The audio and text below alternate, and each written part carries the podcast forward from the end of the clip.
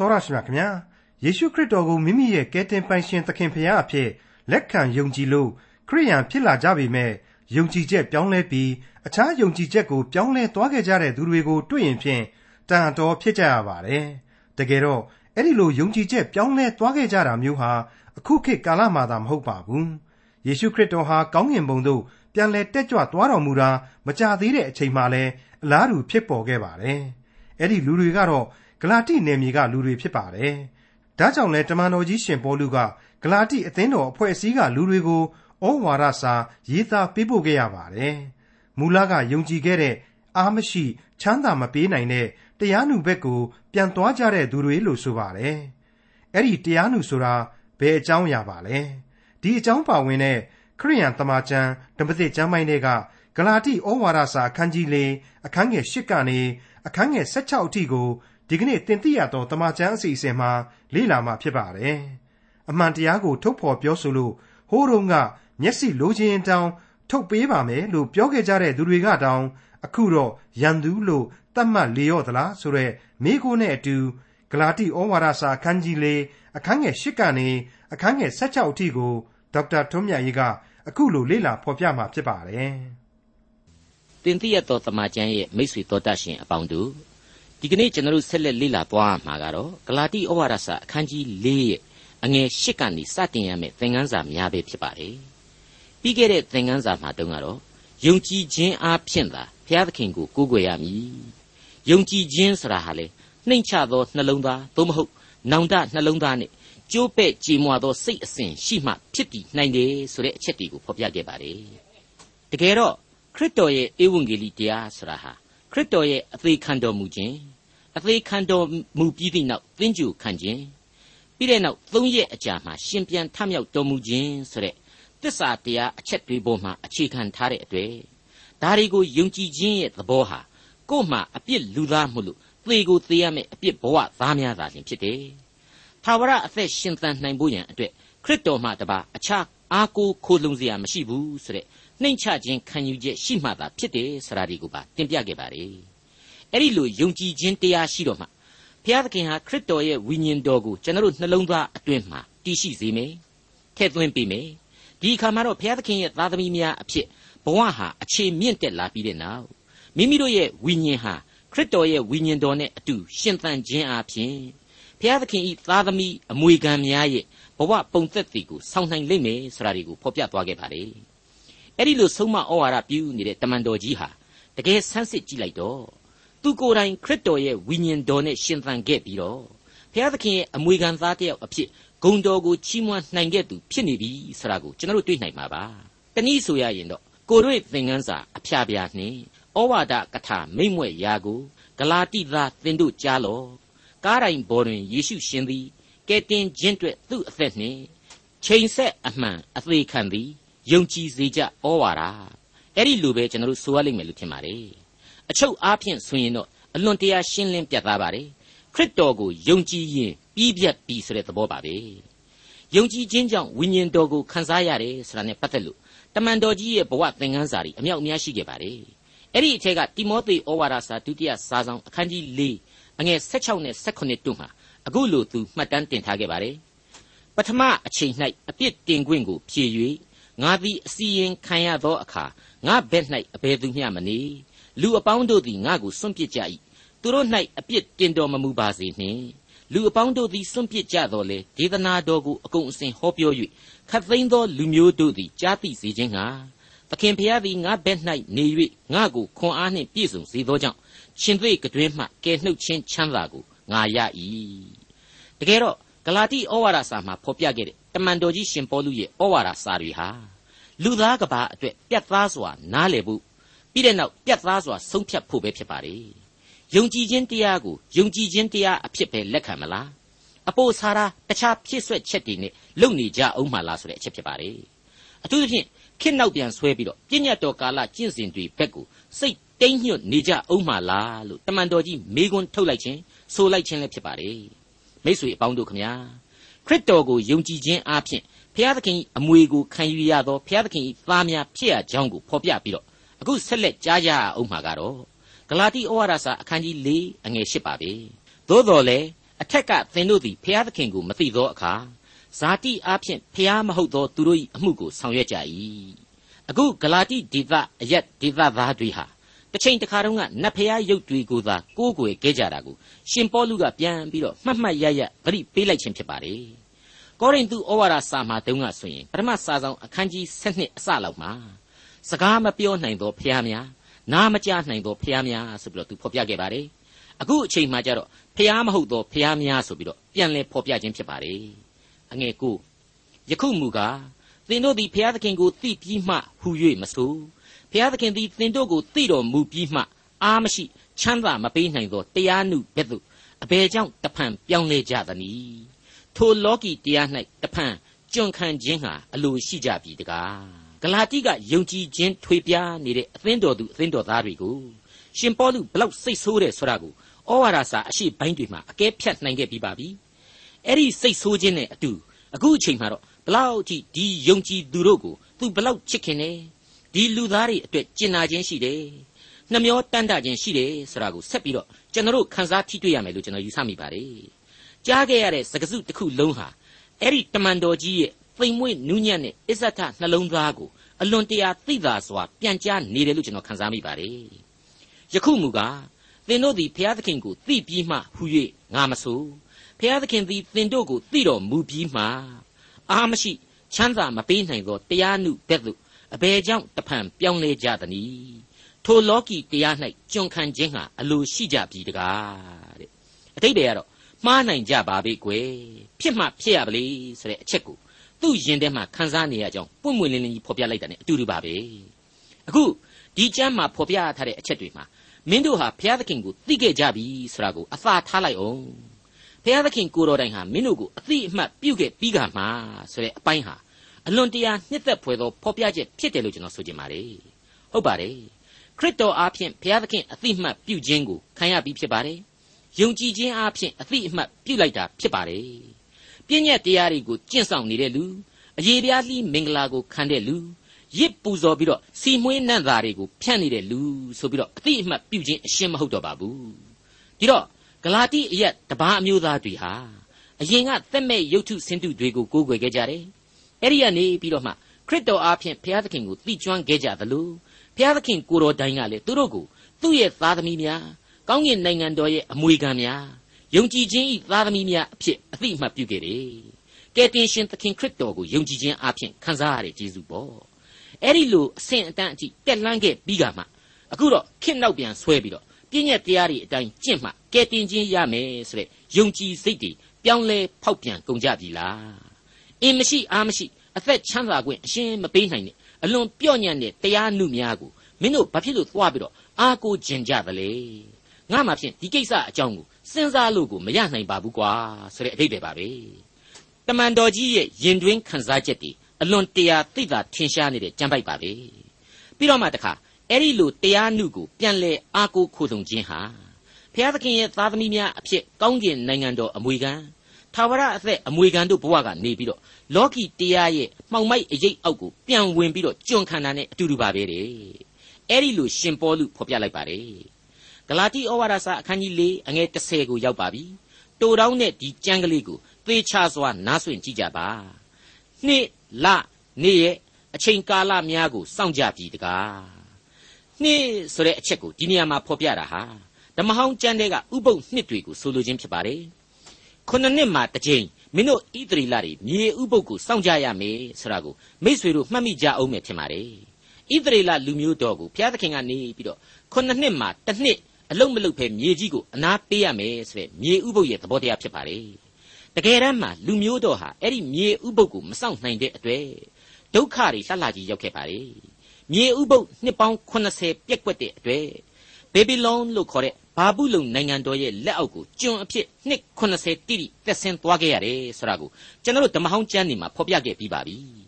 လဆိုတာကတော့ရှင်ဘရင်ဒီအုပ်ချုပ်တဲ့ကာလမှာဂျူးဣသရေလတွေကကြောင်ကရန်းနဲ့စောင့်ခဲ့တဲ့လာဇန်းရဲ့ဥပုပ်ဖြစ်ပါတယ်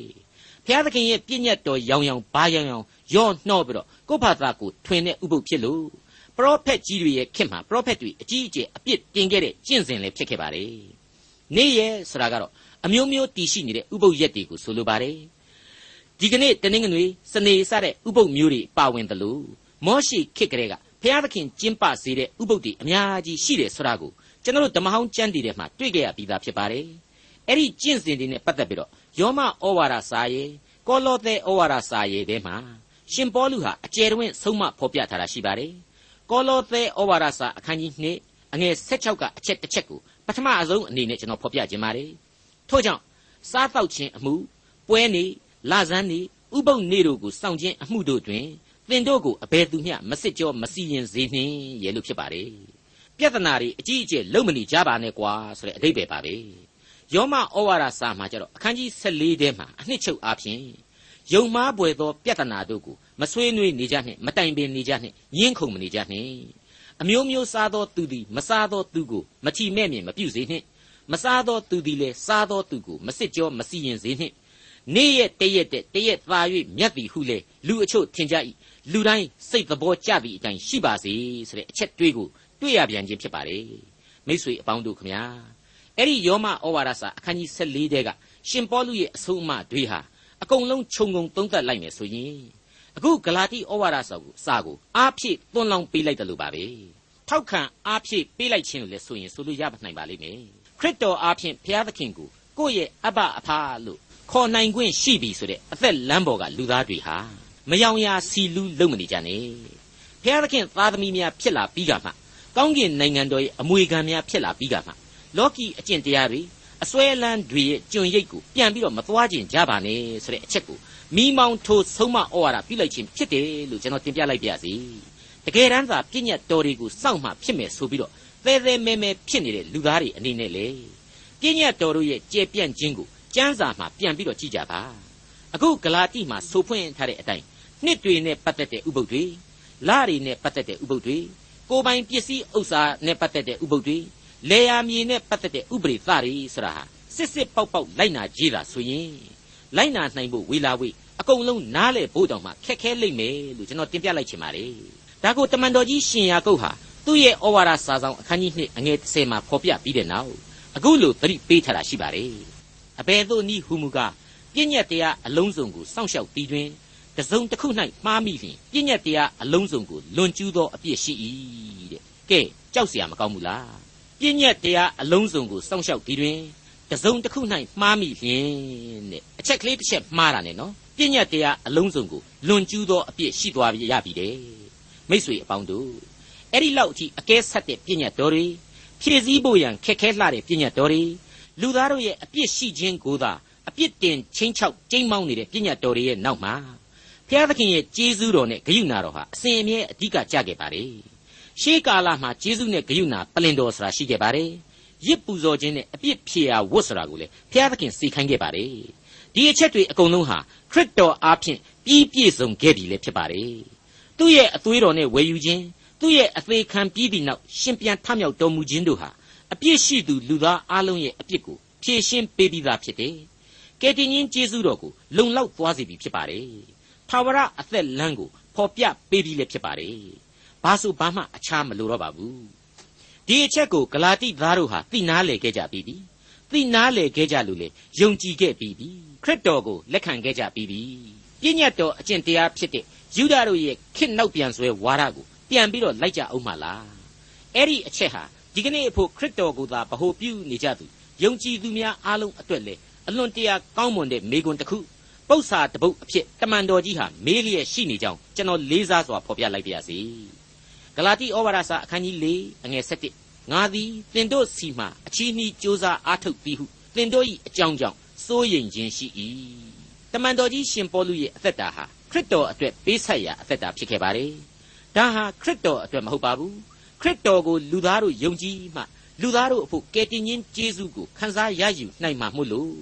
လူသားတို့အတွေ့ဆိုတဲ့အန်တိမပန်းတိုင်နဲ့အမှုတော်ဆောင်ခဲ့ခြင်းသာဖြစ်ပါတယ်။သူဟာအဲ့ဒီလိုအမှုတော်ဆောင်ရမှအသေးသက်ခံရပြီးမှပြန်လဲအသက်ဝင်ခဲ့ရဘူးတဲ့။ထောင်တေထဲမှာအကြိမ်ကြိမ်ရောက်ခဲ့ဘူးတဲ့။အရိုက်ခံရဘူးတဲ့။နှင်အထုပ်ခံခဲ့ရဘူးပါတယ်။ပန်းမွေရပေါ်မှာအေးရတယ်ဆိုတာမျိုးတခါမှကျွန်တော်တို့တွေ့ရတယ်မရှိပါဘူး။ အဲ့ဒီလောက်အထိဘုရားသခင်အတွက်ဗျာဒိတ်တော်ကိုနာခံပြီးတော့အမှုတော်ကိုဆောင်နိုင်လွန်းတဲ့အတွက်လေဘုရားသခင်အတွက်ဆိုတာဟာနော်လူသားတွေရဲ့အတွက်ကိုပြောတာဘုရားသခင်ရဲ့နာမတော်အတွက်ဆိုရင်ပို့ပြီးတော့ကောင်းပါလေအဲ့ဒီလိုဘုရားသခင်ဗျာဒိတ်တော်ကိုနာခံပြီးတော့အမှုတော်ကိုဆောင်နိုင်လွန်းတဲ့အတွက်ကြောင့်လေအခုလိုဂလာတိဆိုတဲ့အစ္စရေးရဲ့မြောက်ဖက်အလွန်ဝေးကွာတဲ့တူရကီမြောက်ချမ်းမှာရှိတဲ့ယုံကြည်သူအသင်းတော်ကြီးတွေထွန်းကားတိုးတက်လို့လာနေကြပါပြီဘုရားသခင်ရဲ့ညွှန်ကြားချက်ဗျာဒိတ်တော်နဲ့အညီ လူသားတဦးရဲ့စူးစမ်းအားထုတ်မှုကထွက်ပေါ်တဲ့ရလဒ်တွေပေါ့ဒါကြောင့်မလို့သူ့အနေနဲ့အဲ့ဒီလိုနှစ်ပေါင်းများစွာစူးစမ်းရုံးကန်တိဆောက်ခဲ့ရတဲ့လူသားတို့ရဲ့ယုံကြည်ခြင်းများကိုခေတ်နောက်ပြန်ဆွဲဝါဒကလွှမ်းမိုးသွားမှာကိုအင်မတန်စိုးရင်ခဲမိလိမ့်မယ်ပူပန်ခဲမိလိမ့်မယ်ဒါဟာဘာမှမဆန်းဘူးလို့လူသားတွေအနေနဲ့လွယ်လွယ်ကူကူလေးတွေးနိုင်တယ်လို့ကျွန်တော်ဆိုချင်ပါတယ်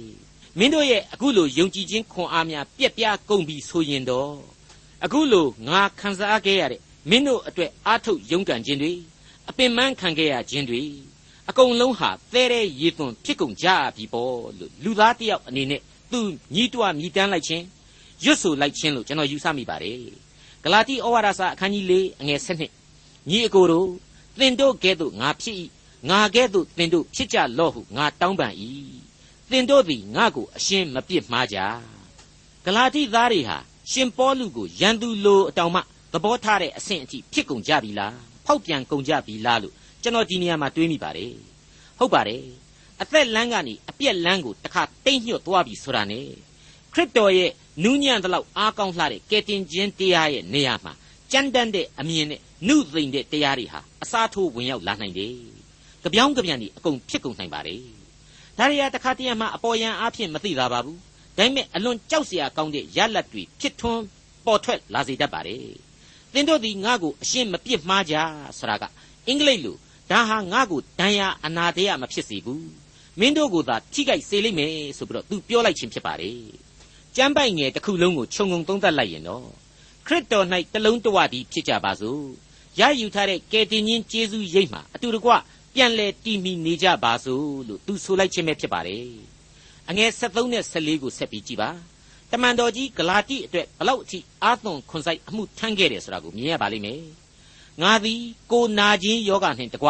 ဧဝံဂေလိတရားကိုသင်တို့အားအထက်ကဟောပြောကြောင်းကိုသင်တို့သိကြ၏ကိုကာယ၌ငါခံရသောစုံစမ်းခြင်းကိုသင်တို့သည်မထီမဲ့မြင်မပြုငါကိုမပယ်ဖျားသခင်ဤကောင်းကင်တမန်ကဲ့သို့၎င်းယေရှုခရစ်ကဲ့သို့၎င်းလက်ခံကြ၏အထက်ကာလတုန်းကဂလာတိနယ်မြေမှာခရစ်တော်ရဲ့ဧဝံဂေလိတရားကို ပြင်းထန်စွာနဲ့သူဟောပြောဆောင်ရွက်ခဲ့တယ်အမှုတော်ကိုဆောင်ခဲ့တယ်မမောနိုင်မပန်းနိုင်အောင်ဒေသနာတော်ကိုဝေမျှခဲ့တယ်အဲ့ဒီအချိန်ကလေးကတမန်တော်ကြီးရဲ့ကိုခန္ဓာမှာစုံစမ်းခြင်းဝေဒနာရှိနေခဲ့တယ်ဟုတ်ပါတယ်အဲ့ဒီစုံစမ်းခြင်းကိုစူးဆိုပြီးတော့အခြားသောကြမ်းပိုင်းတွေမှာတမန်တော်ကြီးသုံးခဲ့ပါတယ်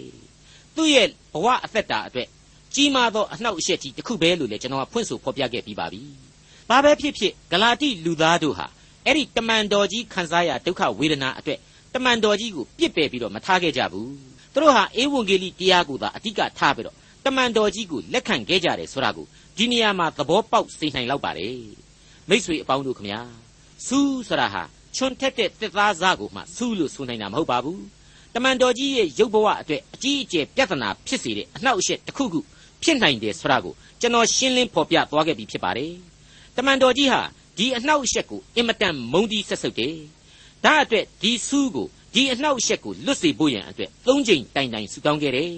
ဒါပေမဲ့ဘုရားသခင်ဟာဒီအနှောက်အယှက်ကြီးကိုသူ့ကိုယ်ခန္ဓာကနေဖယ်မပေးခဲ့ဘူးဒါပေမဲ့ငါကျေးဇူးသည်သင့်အဖို့လောက်ပေ၏ငါတကိုးသည်အာနေခြင်းအဖြစ်၌ပင်စုံလင်တတ်၏ဆိုပြီးတော့ဘုရားသခင်ဟာအဖြေပေးခဲ့တယ်ဆိုတာကိုကောရိန္သုဩဝါဒစာအခန်းကြီး7သင်ခန်းစာတွေတုန်းကကျွန်တော်အကျယ်တွင်ဖော်ပြခဲ့ပြီးလည်းဖြစ်ပါတယ်။ ဒါဟာမှတ်တမ်းတင်တိုက်တဲ့တမန်တော်ကြီးရဲ့ဘဝသက်သေခံချက်ဖြစ်ပြီးတော့ဒီကနေ့တရားစကားတွေထဲမှာလည်းကြားနေရတဲ့အချက်တစ်ခုပါ။ကျွန်တော်မိษွေတို့ရဲ့ဘဝအသက်တာတွေဟာလေဒီအတိုင်းပဲဖြစ်နိုင်တယ်လို့ကျွန်တော်ဆိုချင်ပါတယ်။လောကရန်ဆင်းရဲခြင်းတွေကတော့လူပီပီမကင်းနိုင်ကြပါဘူး။ဆုတောင်းတိုင်းလဲပြေပြောက်ကုန်သလားဆိုရင်မပြေပြောက်နိုင်ကြပါဘူး။ဒါပေမဲ့ဘုရားသခင်ရဲ့ကျေးဇူးတော်ဟာလုံလောက်တယ်ဆိုတာကိုဖြစ်ပေါ်နေတဲ့အခြေအနေကြားတွေကပဲနားလေခံယူသဘောပေါက်နိုင်ကြမယ်ဆိုရင် အလွန်မြင့်မြတ်တဲ့အသက်တာများပဲဖြစ်ပေါ်လာရလိမ့်မယ်လို့ကျွန်တော်လေးစားစွာဖော်ပြလိုက်ပါရစေ။ဂလာတိဩဝါဒစာအခန်းကြီး၄အငယ်15သို့ဖြစ်လျင်သင်တို့ခံရသောမင်္ဂလာကအဘယ်သို့မင်္ဂလာနည်းအထက်ကကိုမျက်စိကိုထုတ်၍ငါအားပေးနိုင်လျင်ပေးခြင်းဟာသင်တို့အလိုရှိသူဟုငါသက်သေခံ၏အဲ့ဒီဆူးလို့အနှောက်အယှက်ဟာတမန်တော်ကြီးရဲ့မျက်စိယောဂများလားလို့ဆက်ပြီးတော့တွေးတောဆင်ခြင်နိုင်ဖို့ဖြစ်လာပါတယ်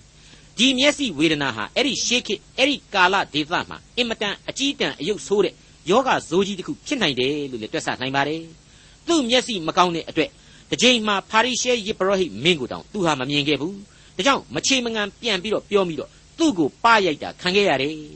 သူကငါမမြင်လို့ပြောမိတာပါငါဖျားသခင်ဟာအခုလိုအုတ်ချုပ်သူမင်းအရာရှိမျိုးကိုမချေမငံပြောတာကိုမကြိုက်ပါဘူး ငါပြန်လဲတောင်းပန်ပါတယ်ဆိုပြီးတော့သူပြောခဲ့တာတွေကိုကျွန်တော်တို့တမန်တော်ဝတ္ထုမှာအထင်ရှားတွေ့ကြရပြီဖြစ်ပါတယ်ဒါကြောင့်အခုလိုကိုခန္ဓာမှာရှိတဲ့အနှောက်အယှက်ဟာအဲ့ဒီလိုမျက်စိမကောင်းတာလည်းဖြစ်နိုင်တယ်နောက်တစ်ချက်ကတော့မျက်စိကြီးဟာမြင်မကောင်းရှုမကောင်းလောက်အောင်အနာဆွဲပြီးတော့တရားဟောစဉ်မှာတောင်မှမျက်ဝတ်တွေထွက်များနေမလားမျက်ရည်တွေများစီးကျနေမလားလို့စဉ်းစားနိုင်စရာအကြောင်းပေါ်လာပါတယ်အခုတမန်တော်ကြီးပြောလိုက်တာကတော့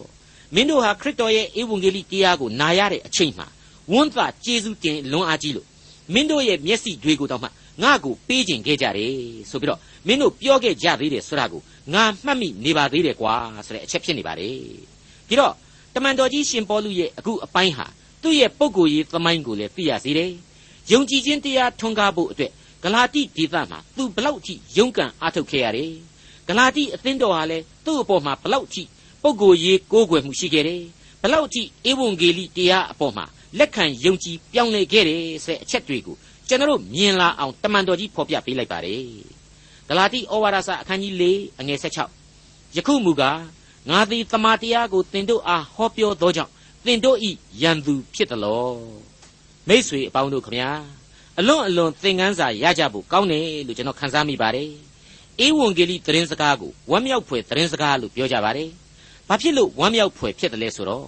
လူသားတို့ရဲ့အပြစ်ဘဝကနေအသစ်ဘဝကိုပြောင်းလဲရောက်ရှိစေတဲ့အတွက်ဝမ်းမြောက်ဖွယ်ဖြစ်ရပါတယ်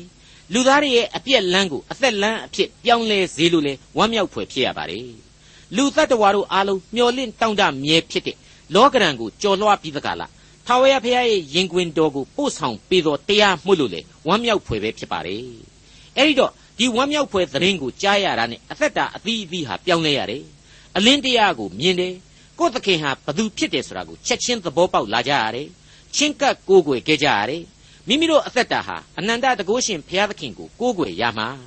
ခရစ်တော်ကိုဗဟုပြုပြီးတော့မှဒီကယ်တင်ရှင်ယေရှုဆိုတာဖြစ်တည်နေပြီဆိုတာကိုလက်ခံသဘောပေါက်လာခဲ့ကြရပါတယ်အဲ့ဒီလောက်အထိဝမ်းမြောက်ခြင်းနဲ့ပြည့်စုံနေတဲ့ဂလာတိအသင်းတော်နော်တမန်တော်ကြီးနဲ့ဝေးကွာနေတဲ့အခုလိုအချိန်မှာတော့ရှေးရိုးဆွဲဝါဒီတွေကနေပြီးတော့လာရောက်ဆွဲဆောင်ဓာတွေကိုခံရတဲ့အချိန်မှာ ယုံကြည်ပါတယ်ဆိုတဲ့အဲ့ဒီလူတွေဟာပဲဝမ်းမြောက်ခြင်းစုကျေးဇူးကိုခံရပါတယ်ဆိုတဲ့လူတွေဟာပဲပထမအဆင့်မှာဇဝေဇဝါတွေဖြစ်လာပြန်တယ်တခါအကြောက်တရားတွေနဲ့ပြည့်ညတ်တော်ကျွံရိတ်ကိုပြန်ပြီးတော့သွားကျင်တဲ့စိတ်တွေဖြစ်ပေါ်လာပြန်တယ်ဘလောက်ထူးဆန်းတယ်လေလူစိတ်အပြောင်းလဲဆိုတာဟာဘလောက်မြန်ဆန်နိုင်တယ်လေ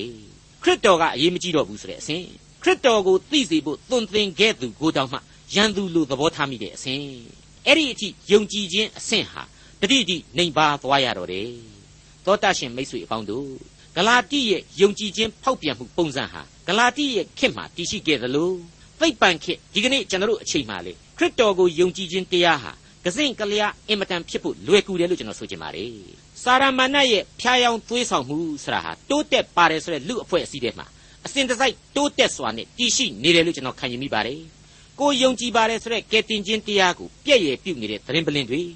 အယုံကြည်ပြည့်အောင်လှုံ့ဆော်နေတဲ့လူသားတို့ရဲ့လောကအောင်ပွဲတွေဟာမရေမတွက်နိုင်အောင်တည်ရှိနေတယ်လို့ကျွန်တော်ဆိုချင်ပါတယ်ရှင်ပေါလုကနေပြီးတော့သမာတရားအတိုင်းပြောသောကြောင့်သင်တို့ယံသူဖြစ်သလောသို့မဟုတ်သစ္စာတရားအတိုင်းပြောသောကြောင့်မုန်းတီးရမှာလောဆိုတာတွေဟာတကယ်တော့နှုတ်ကပတ်တော်အတိုင်းပြောဆိုခြင်းအပြင်မုန်းကြမှားလားဆိုတဲ့အချက်ကိုဆိုလိုတာပဲဖြစ်ပါတယ်တကယ်တော့နှုတ်ကပတ်တော်အတိုင်းပြောနိုင်လို့သာယေရှုကိုယုံကြည်ခြင်းသည်မှန်ကန်သောဧဝံဂေလိတရားထာဝရအသက်လံ ဖြောင့်တန်းနေတဲ့တခုတည်းသောလမ်းဖြစ်တယ်ဆိုတာကိုကျွန်တော်မြင်ရတာပါနှုတ်ကပတ်တော်အတိုင်းမဟုတ်ကိုယ်အင်ကိုအားကိုယ်စွန့်ပကားဆိုတဲ့ဇာတိလူသားတို့ရဲ့အတွေ့ဘောမှသာယုံကြည်အားကိုးကြမယ်ဆိုရင်ကောင်းတာကိုမှန်တာကိုလုပ်ရင်ကောင်းတာမှန်တာဖြစ်မယ်မကောင်းတာမမှန်တာကိုလုပ်ရင်မကောင်းတာဖြစ်မယ်ဆိုတဲ့သိပ္ပံနိကြတွက်ကိန်းသင်္ချာနိကြပု္ပ္ပာတပုတ်တဲ့ဘယ်လိုနည်းနဲ့မှနဲ့ဆိုင်တဲ့ကဲတင်ခြင်းတရားကိုတွေ့เสียအကြောင်းမရှိပြည့်ညတ်တော်အကျင့်တရားတွေသာလျှင်အကောင်းဆုံးဆိုတဲ့မရင်ကျက်သောအယူလွဲမှားခြင်းဖြစ်ရလိမ့်မယ်လို့ ရှင်ပေါလုဒီကနေ့သွန်သင်ပေးနေပါတယ်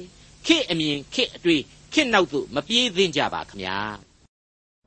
ဒေါက်တာထွန်းမြတ်ရေးစီစဉ်တင်ဆက်တဲ့တင်ပြရသောတမချန်းအစီအစဉ်ဖြစ်ပါတယ်နောက်တစ်ချိန်အစီအစဉ်မှာခရိယန်သမာကျမ်းဓမ္မသစ်ကျမ်းပိုင်းတွေကဂလာတိဩဝါဒစာအခန်းကြီး၄အခန်းငယ်16ကနေအခန်းငယ်21အထိကိုလေ့လာမှဖြစ်တဲ့အတွက်စောင့်မျှော်နားဆင်နိုင်ပါတယ်။